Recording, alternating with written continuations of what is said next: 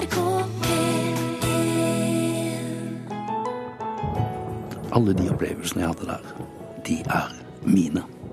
Han satt rolig i menigheten og talte i tunga første gang da han var 13. Da han gikk ut av menigheten, så tok han tungetalen med seg. Det er mine opplevelser. De tilhører ikke det miljøet. Tungetalen den starter der språket slutter, sier Håvard Rem. Mer om det her i Mellom himmel og jord i dag.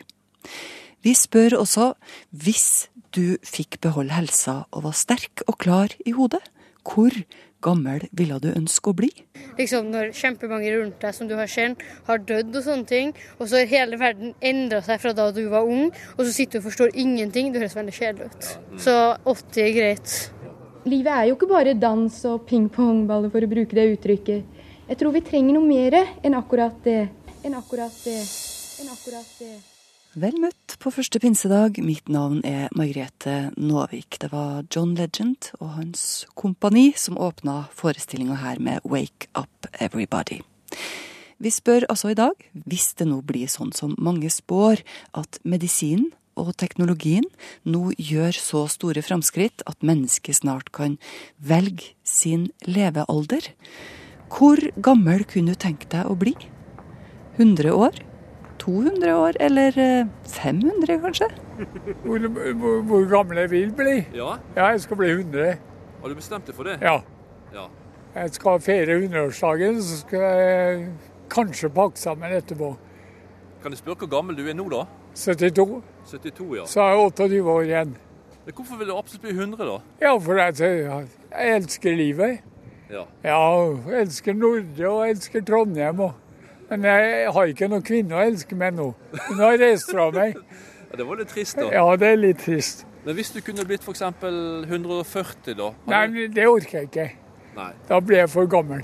Ja. Men hvis kroppen din hadde spilt på lag, og sinnet ditt hadde vært lett og muntert, og Ja, da hadde jeg gjerne blitt med langt opp i ja, 130 år, ja. Men eh, det tror jeg ikke jeg blir.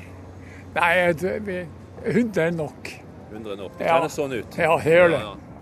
100 er nok, sier denne karen, som muligens er enig med grunnleggeren av eh, Dødskult, som er et trossamfunn.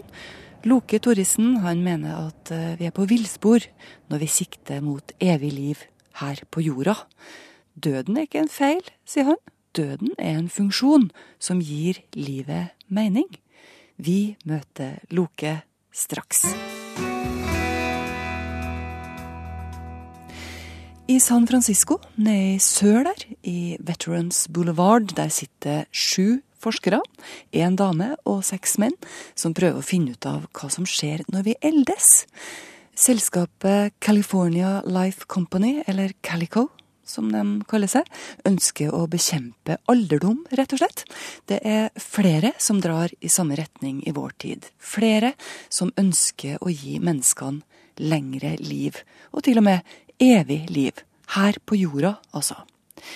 Rein fantasi, tenker kanskje du, men eh, en av dem som av mange antas å forstå framtida best av alle, Raymond Kurzweil, han mener at vi ikke skal mer enn ja, kanskje 20 år fram i tid før vi har lært oss å lure døden. Men vil vi virkelig leve i, ja, si 300 år da, hvis vi får velge? Jeg har ikke lyst til å være sånn kjempegammel, det syns jeg ikke høres noe gøy ut. Liksom Når kjempemange rundt deg som du har kjent, har dødd og sånne ting, og så har hele verden endra seg fra da du var ung, og så sitter du og forstår ingenting. Det høres veldig kjedelig ut. Så 80 er greit. Men ikke 142. Nei, absolutt ikke. Det blir for mye. Jeg kan tenke meg å bli 95 år. Hvorfor akkurat 95? Jo, fordi at jeg har så mange slektninger som har blitt 95-96, og de hadde det bra så lenge. Men eh, det kommer an på litt på livskvalitet òg. Fordi at når du blir eldre, vet du, så er det mange som blir enslige vet du, fordi de mister mannen sin, eller omvendt, da, selvfølgelig. Og, og de andre er dødd bort i slekta òg, så, så det kanskje ikke blir så god livskvalitet allikevel. da. Det hender det òg. Ja, Vi skal tilbake på gateplan i Trondheim og høre mer om eh, hvor mye liv folk egentlig ønsker seg. Men nå til en kar som har engasjert seg i det her. Det var da Loke Thoresen satt og leste om det selskapet som jeg nevnte tidligere, Calico, som også prøver å finne nøkkelen til evig ungdom, at han tenkte at døden er da ikke en feil. Døden er jo en funksjon som gir livet mening. Ja, nei, altså, det, faen, det, var en, det, var en, ekstrem følelse av maktesløshet mens jeg satt og leste om eh, Kalisi og de andre. For det er jo en del nå, det, er jo, det er jo ikke bare Google som holder på med det her. Det er jo flere smarte, velutdanna mennesker som uh, er, har mye penger, har mye makt og uh, jobber iherdig med der. Og som sagt, altså, de kommer nok ikke til å klare det i første omgang, men jeg har, uh, jeg har såpass tiltro til mennesker at vi kan klare hva som helst, og det inkluderer ting vi ikke burde gjøre. Og jo mer jeg tenkte på det, jo mer ble jeg overbevist om at det å leve evig ikke er noe vi sånn helhet er tjent med. Uh, og da satt jeg og lurte på uh, hva jeg, en, en, vanlig dødelig kan gjøre for å være uh, motvekt. Og da var det her det beste alternativet jeg kom på. Det her tror jeg på, tenkte Loke. Døden gir livet mening. Såpass tror han på det at han eh, søkte fylkesmannen om godkjenning av et trossamfunn som han kaller dødskult. Skal du være medlem, ja, da må du si ja til at du en gang skal dø. Ikke bare ønsker Loke en anerkjennelse av døden, han ønsker også at uh, vi skal akseptere å leve med livets nedturer. De vanskelige, sier han. Jeg har, jeg har virkelig lyst til at det her trossamfunnet skal være en positiv kraft. Uh, og, og da, men det er det, igjen, det, er noe, det er ikke sånn at jeg har tenkt å tvinge noen til å ha, ha nedturer. Det, det, mener jeg kommer ganske naturlig. Men poenget mitt mer er at istedenfor å være, være, prøve å uh, unngå de nedturene, altså, så heller bare innse at uh, nedturer er en viktig del av å leve. Det er, det er nesten umulig å sette pris på de gode stundene uten å ha noen dårlige hvis du bare har såkalte gode stunder, så blir det jo ganske flatt. Altså Livet burde jo være som en berg-og-dal-bane. Ja, tror du òg eh, at livet hadde blitt flatt hvis vi ikke hadde hatt døden? ja, det er, det er, akkurat det. Jeg tror, jeg, tror det har, ja, jeg tror det har blitt ganske livløst, for å være helt ærlig. Og det, det, det er faktisk, Hvis du snakker om morbid og, og, og amoralsk, så må det faktisk være det. Søknaden til Loke den kom i retur, ikke godkjent. Klageinstansen er Kulturdepartementet. Lokes søknad har vært inn der også, ble ikke godkjent. Men hvordan er det? Er det noe støtte å finne der på gateplan for Loke sine tanker? Hvor lenge vil folk leve, egentlig? Jeg ser du spiser hotdogs, men uh... Jo da, det er jo helt OK for så vidt. Det er bare det at det er litt vrient å, å svare konkret. For for min del. Jeg tenkte som så. Det er formen. Det er... Og formen og helsa ja. som avgjør det. Ja. Er man i god form, så kunne jeg tenkt meg å være 250 år. Veldig spennende å se hvor er verden da. Mm. Det er det jeg tenker på. Er det det du er mest interessert i? Også det. At det er så mye nytt som skjer. Jeg tenker på vitenskapen, da. Den går fremover så fort nå for tida at jeg er veldig nysgjerrig. Hvor er verden om 300 år, om 500 år? Mm. Har ikke jeg så mye annet å si om det. Og optimistisk? Ja. Hvis, hvis uh, mennesker ikke er så dumme at de uh, ødelegger hverandre. Det er jo det man tenker på. Kriger og alt det der. Får man uh, en idiot på toppen som blir bråsint og trykker på knappen, så kan det skje mye rart. Og da er det alt uh, ja, mennesker har jobba for, går i lufta. Hvis ikke det skjer, så går jo verden fremover, da. Og Da kunne du tenkt deg å vært med på det? Jo da, absolutt. Det er rett og slett nysgjerrighet. Det er jo det som driver verden fremover, egentlig. Spennende svar, da. Men nå skal jeg ikke forstyrre deg, så du holder på med pølse her. ja, ok. Det går fint. Loke får motstand på gata. Men han får mye støtte òg, sånn som vi har hørt i tidligere svar. En annen sak er selvsagt om folk vil gå så langt som å melde seg inn i hans trossamfunn for saken. Og gjør de ikke det, så blir ikke dødskult godkjent som trossamfunn. Et av kriteriene er at det må være et fellesskap som er basert på ei religiøs tru. Dødskult hadde fem medlemmer sist jeg snakka med Loke. Det må også være noe som eh, kan betegnes som ei skjebnebestemmende makt. Og døden bestemmer jo over menneskets skjebne, sier Loke. Er ikke det skjebnebestemmende nok? Og sjøl om det kan høres tøysete ut, det Loke gjør, f.eks. at han kaller trossamfunnet sitt for dødskult, så er det ikke ment som noen vits, det her. Eh, for meg så er tro er for meg et personlig spørsmål. Eh, hvis noen har liksom har, eh, har lyst til å tro noe annet, så kommer ikke jeg til å nekte dem. Og så lenge de ikke bryter verken norsk lov eller plager meg nevneverdig, så er det meg ganske irrelevant hva andre gjør, og det samme håper jeg at andre kan. Og den, den, respekten den håper jeg virkelig at andre kan unne meg Og, Så, Så, det er ikke en vits? Nei, det er det ikke. Det, det er bra grav alvorlig. Jeg, jeg, jeg, er, faktisk oppriktig eh, forstyrra over hva, eh, hva de holder på med. Og, og jeg ikke, jeg har tenkt heller å bruke mitt, eh, min frustrasjon og min eh, oppgitthet over den, den, type til noe virkelig, til noe konstruktivt. Og jeg, jeg kan være først til å innrømme at jeg har vært eh, har alltid vært litt av det morbide slaget, men det for meg så handler det om å bruke ting konstruktivt og få noe ut av det. Eh, som kan ikke bare tjene meg sjøl, men også alle andre rundt meg. For at et trossamfunn skal bli godkjent, så må det være ritualer. Og hva kan Lokes dødskult tilby av den slags? Jo, sier han, det er det her med å utsette seg sjøl for ubehag. Gå utafor komfortsonen og utfordre seg sjøl. Det er et rituale. Og hva som er ubehagelig, det er jo individuelt. Men eh, det må ikke være farlig, da, eller umoralsk. For Loke så kan det være noe så enkelt som å synge jeg er ikke spesielt god å synge. Jeg har en kraftig stemme, men er ikke synging, sånn, synging er ikke min spesialitet. Men jeg, hvis det er noe jeg virkelig liker, så er det å, å stille meg utenfor komfortsonen. Det er å, å, å, gi alt, være helt eh, Være så ærlig at det, det, det er nesten kleint å, å, se og høre på. OK, nå har du sagt det. Gjør du det her nå? Synger du litt for meg nå? Nei, det Kom igjen, da.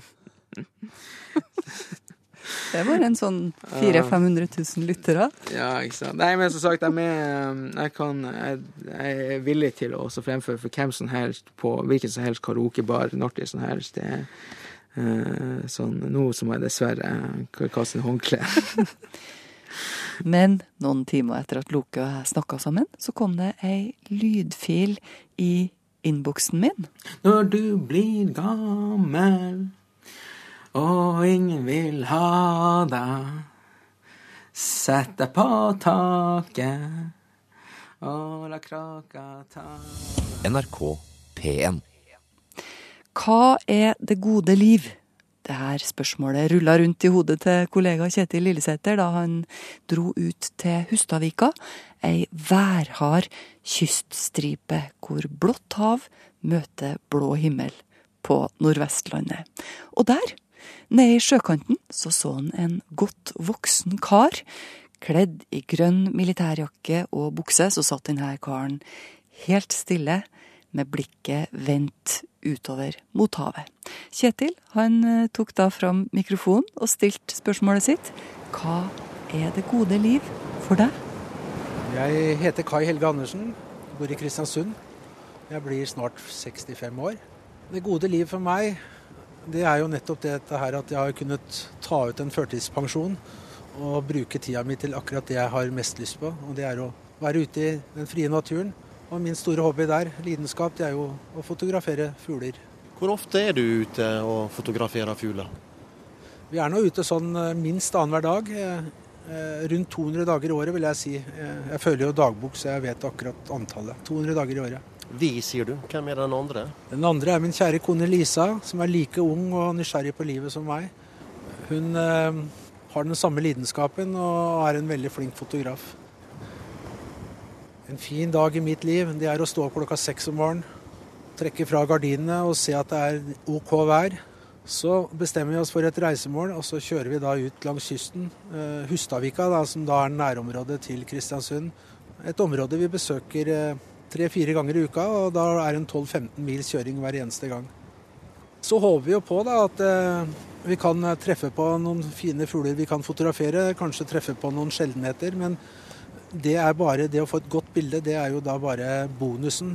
Det å være ute, kjenne naturen, kjenne bølgeskvulpet, eh, kjenne trekke en frisk luft. Det, det er eh, det som er det gode liv. Det gode bildet, det er bare en bonus.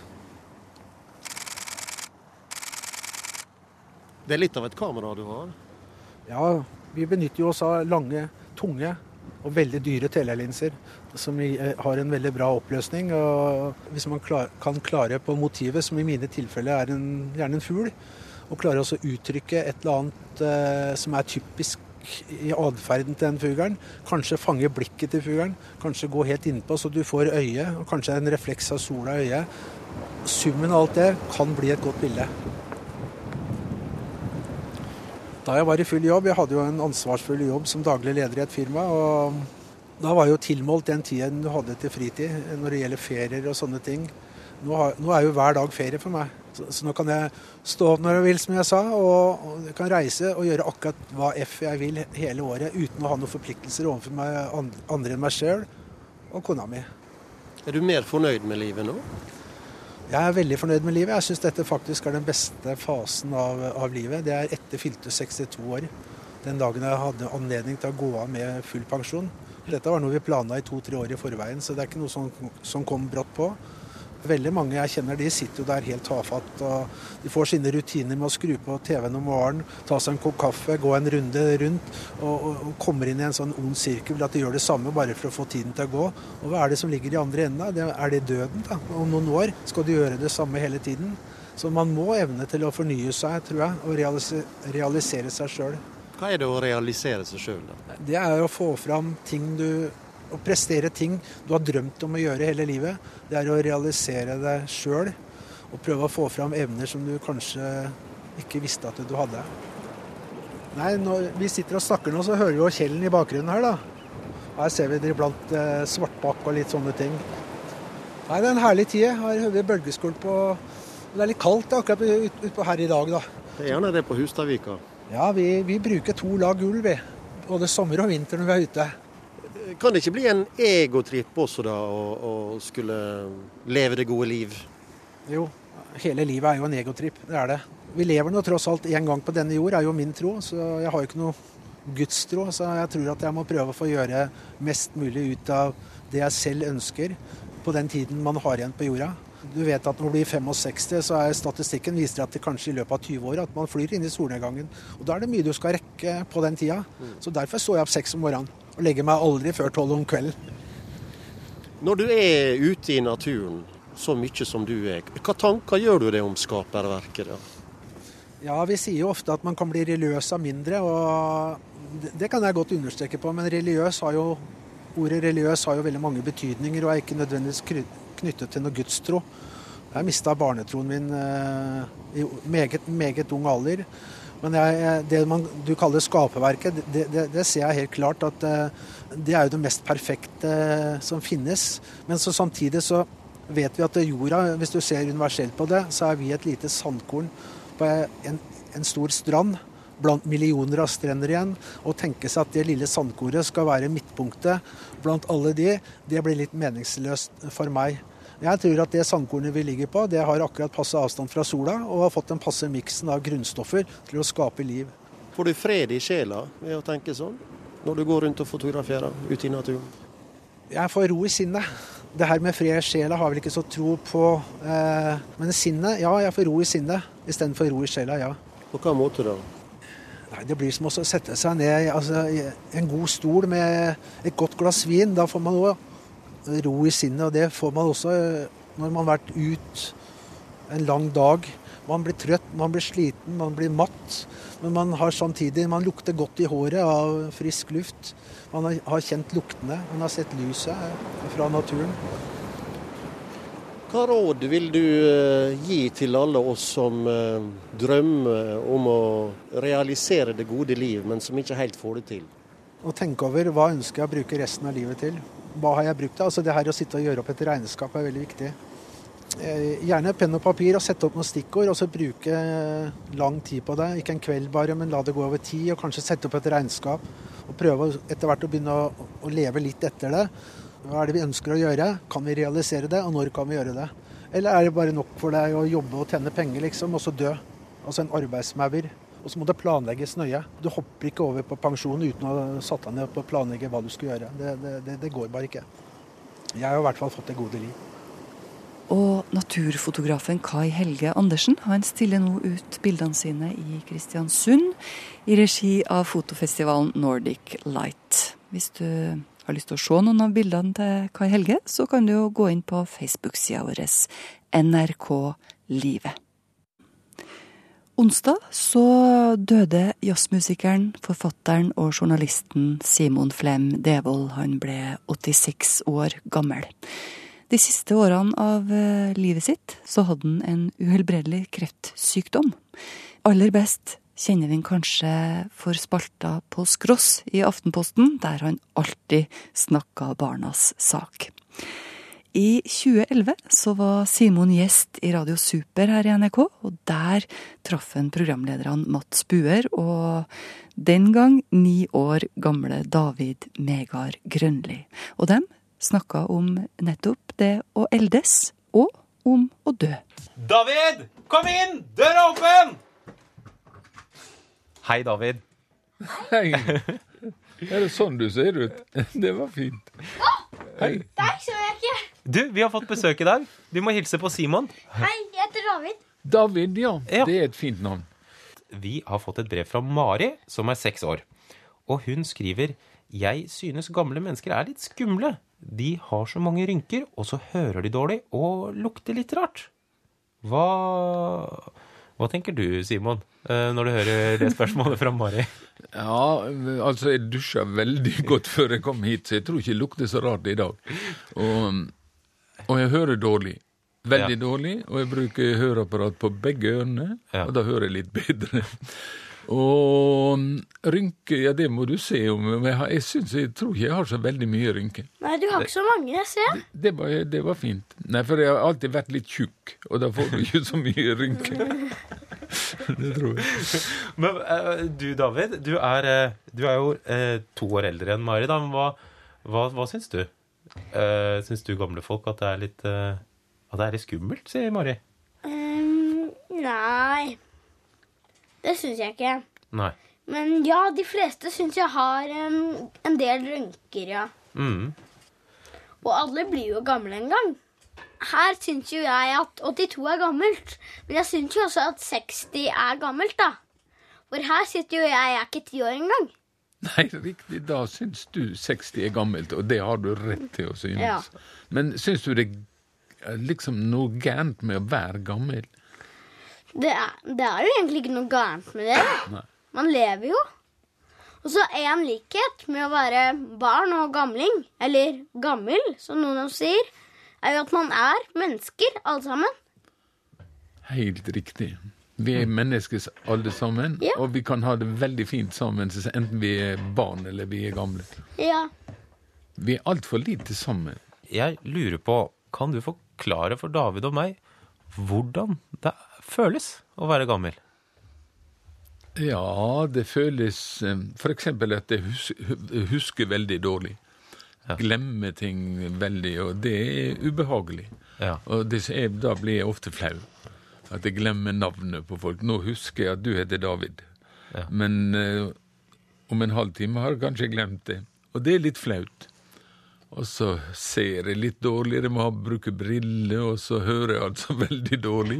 Så jeg hører ofte ikke hva folk sier til meg, og da har la, liksom svarer jeg sånn litt hist og pist rundt omkring, sånn at alltid skal, folk skal tro at jeg forstår hva de sier. Hva er det Ja. du tenker når du tenker på at du snart skal dø? Ja, da? det tenker jeg ganske mye på. For det, det, jeg vet at jeg er, ganske, jeg er syk i grunn, og eh, legen har sagt at jeg skal, ikke, jeg skal ikke leve så forferdelig mye lenger. Så da tenker jeg mye på det.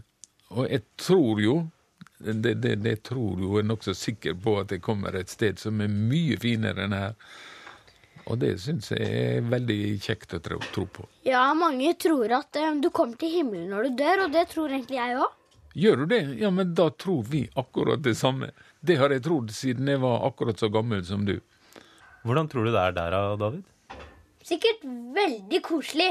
Ja, det tror jeg også. Veldig koselig. Skal vi, da skal jeg ha det veldig fint, og skal spille veldig mye jazz. Jeg hadde en, en venn, han døde for to uker siden. Og jeg snakka med han på sykehuset dagen før han døde, og da sa han han spiller piano. Ja. Og da sa han når vi kommer til himmelen, da skal vi spille mye, mye god jazz. Og det syns jeg var fint. Så flott. Tenker du noe særlig på døden, David? Nei, jeg tenker mest på at jeg har veldig mye å leve igjen. Ja. Men noen ganger så tenker jeg på at jeg er ikke så veldig redd for døden, men jeg er mer redd for hvordan jeg dør. Ja. Hvor smertefullt det er. Oh, ja. Det var det, akkurat det vi begynner ofte å tenke på når du blir gammel. Det er veldig viktig å vite hvordan man dør. Men ja, det vet man ingenting om på ja, forhånd. Ja, for hvis man bare dør sånn helt vanlig, da må det ikke være så farlig. Men hvis man dør av kreft, eller enda verre, hvis man blir drept, det må være helt grusomt. Det må være helt forferdelig. Mm. Og det er ikke så ofte man snakker om disse tingene, kjenner jeg, Simon? Nei, vi snakker veldig sjelden om det. Og jeg syns det er dumt. Ja det er fint å, bare, å, snakke om det sånn som vi gjør nå, at en gang skal vi dø. Ja. Og det er veldig greit å liksom vite det, og være klar over det. Og ikke være så veldig redd for akkurat det. Når vi er jo heldige, vi tror vi kommer til himmelen, både du og jeg. Ja. Du skal bare se vi møtes der. Ja, ja. ja. Møtes i himmelen, kompis! Nå skal vi tale om tungetale her mellom himmel og jord, i fall det her er aldeles ukjent for deg. Sånn kan det høres ut. Det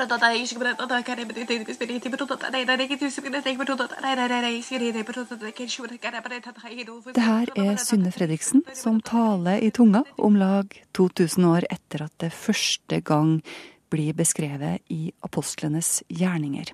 Det er i pinsa det skjer. 50 dager har gått siden Jesus ble korsfesta og gravlagt.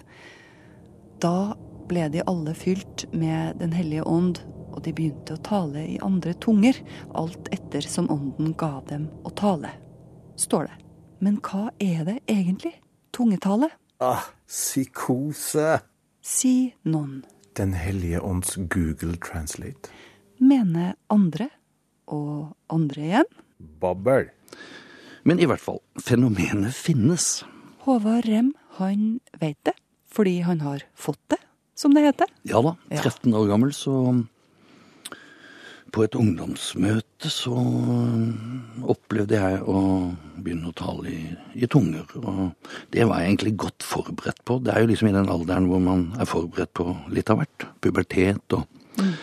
Og i det miljøet jeg vokste opp i som sønn av en uh, pinsepastor, så, så, var jeg forberedt på at uh, det kunne skje. Og da det skjedde, så ble jeg husker Det jeg forbinder med det, at jeg ble liksom fylt av jubel, varme og glede. Og så kommer det ut som Det kommer ut som ord som du ikke ja. kjenner? Mm. Ja.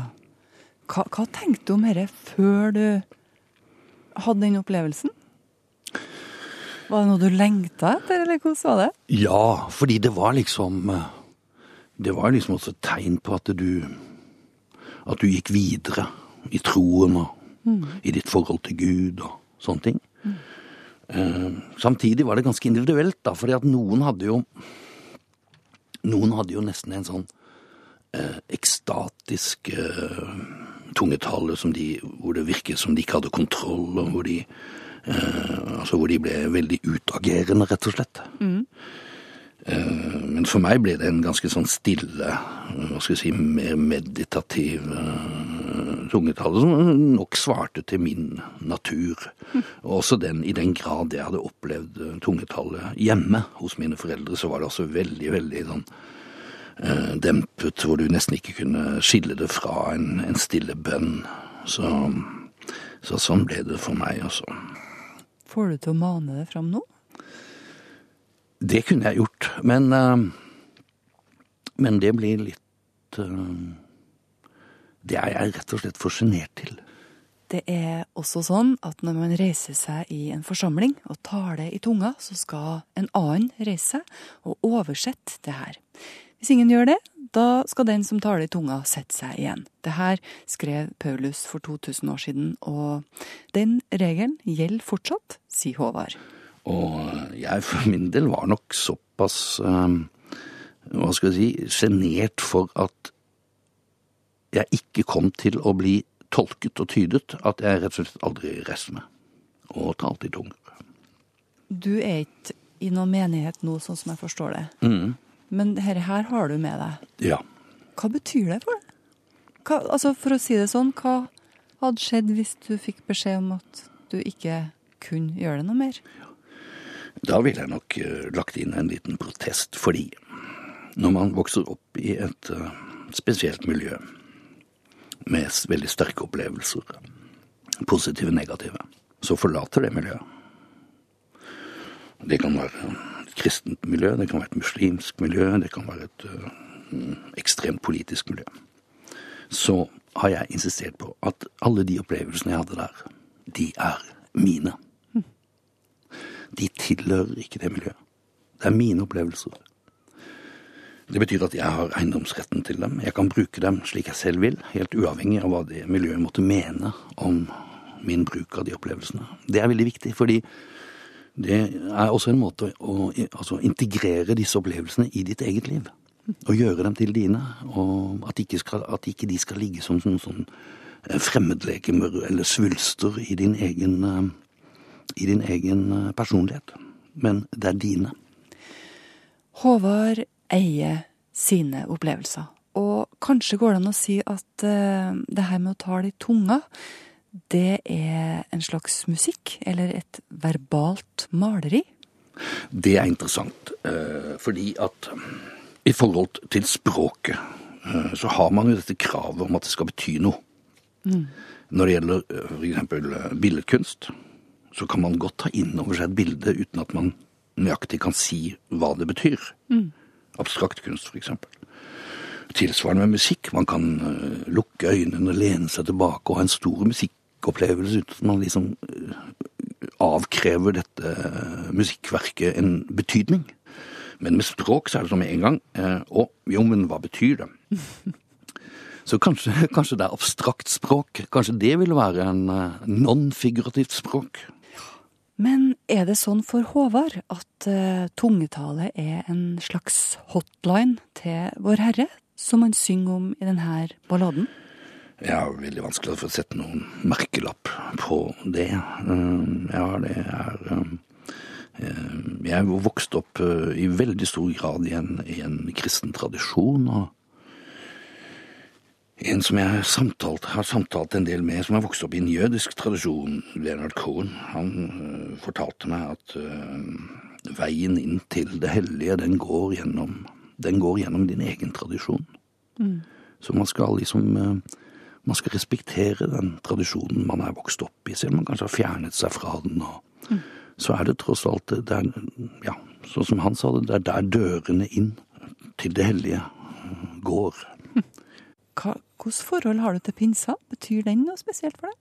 Ja, jeg er jo oppvokst som eh, pinsevenn, så det er eh, for, hos oss, holdt jeg på å si. Så det er jo en gang pinsevenn, alltid pinsevenn, holdt jeg på å si. Nei da. Men så var jo pinsen var jo liksom den store, den store høytiden. Mhm. Det var liksom vår høytid, det. Hva gjør du i pinsa nå? I pinsa i år, ja, da skal um, Rem og Rem skal uh, i studio og bare lage noen, noen demoer til noen nye sanger. Mhm. Det tror jeg blir uten, uten tungetallet. Du har anledning til å gi oss en klapp på skuldra, eller sparke oss litt på leggen. Eller gi oss tips og triks. E-postadressen hit er himmel og jord, krøllalfa, nrk.no. Margrethe Nåvik heter jeg, og har du lyst til å se noen av dem vi har snakka med i dag og tidligere, bildene til fotografen du hørte snakke om det gode liv f.eks., gå inn på Facebook-sida vår NRK Livet. Ha en riktig god søndag.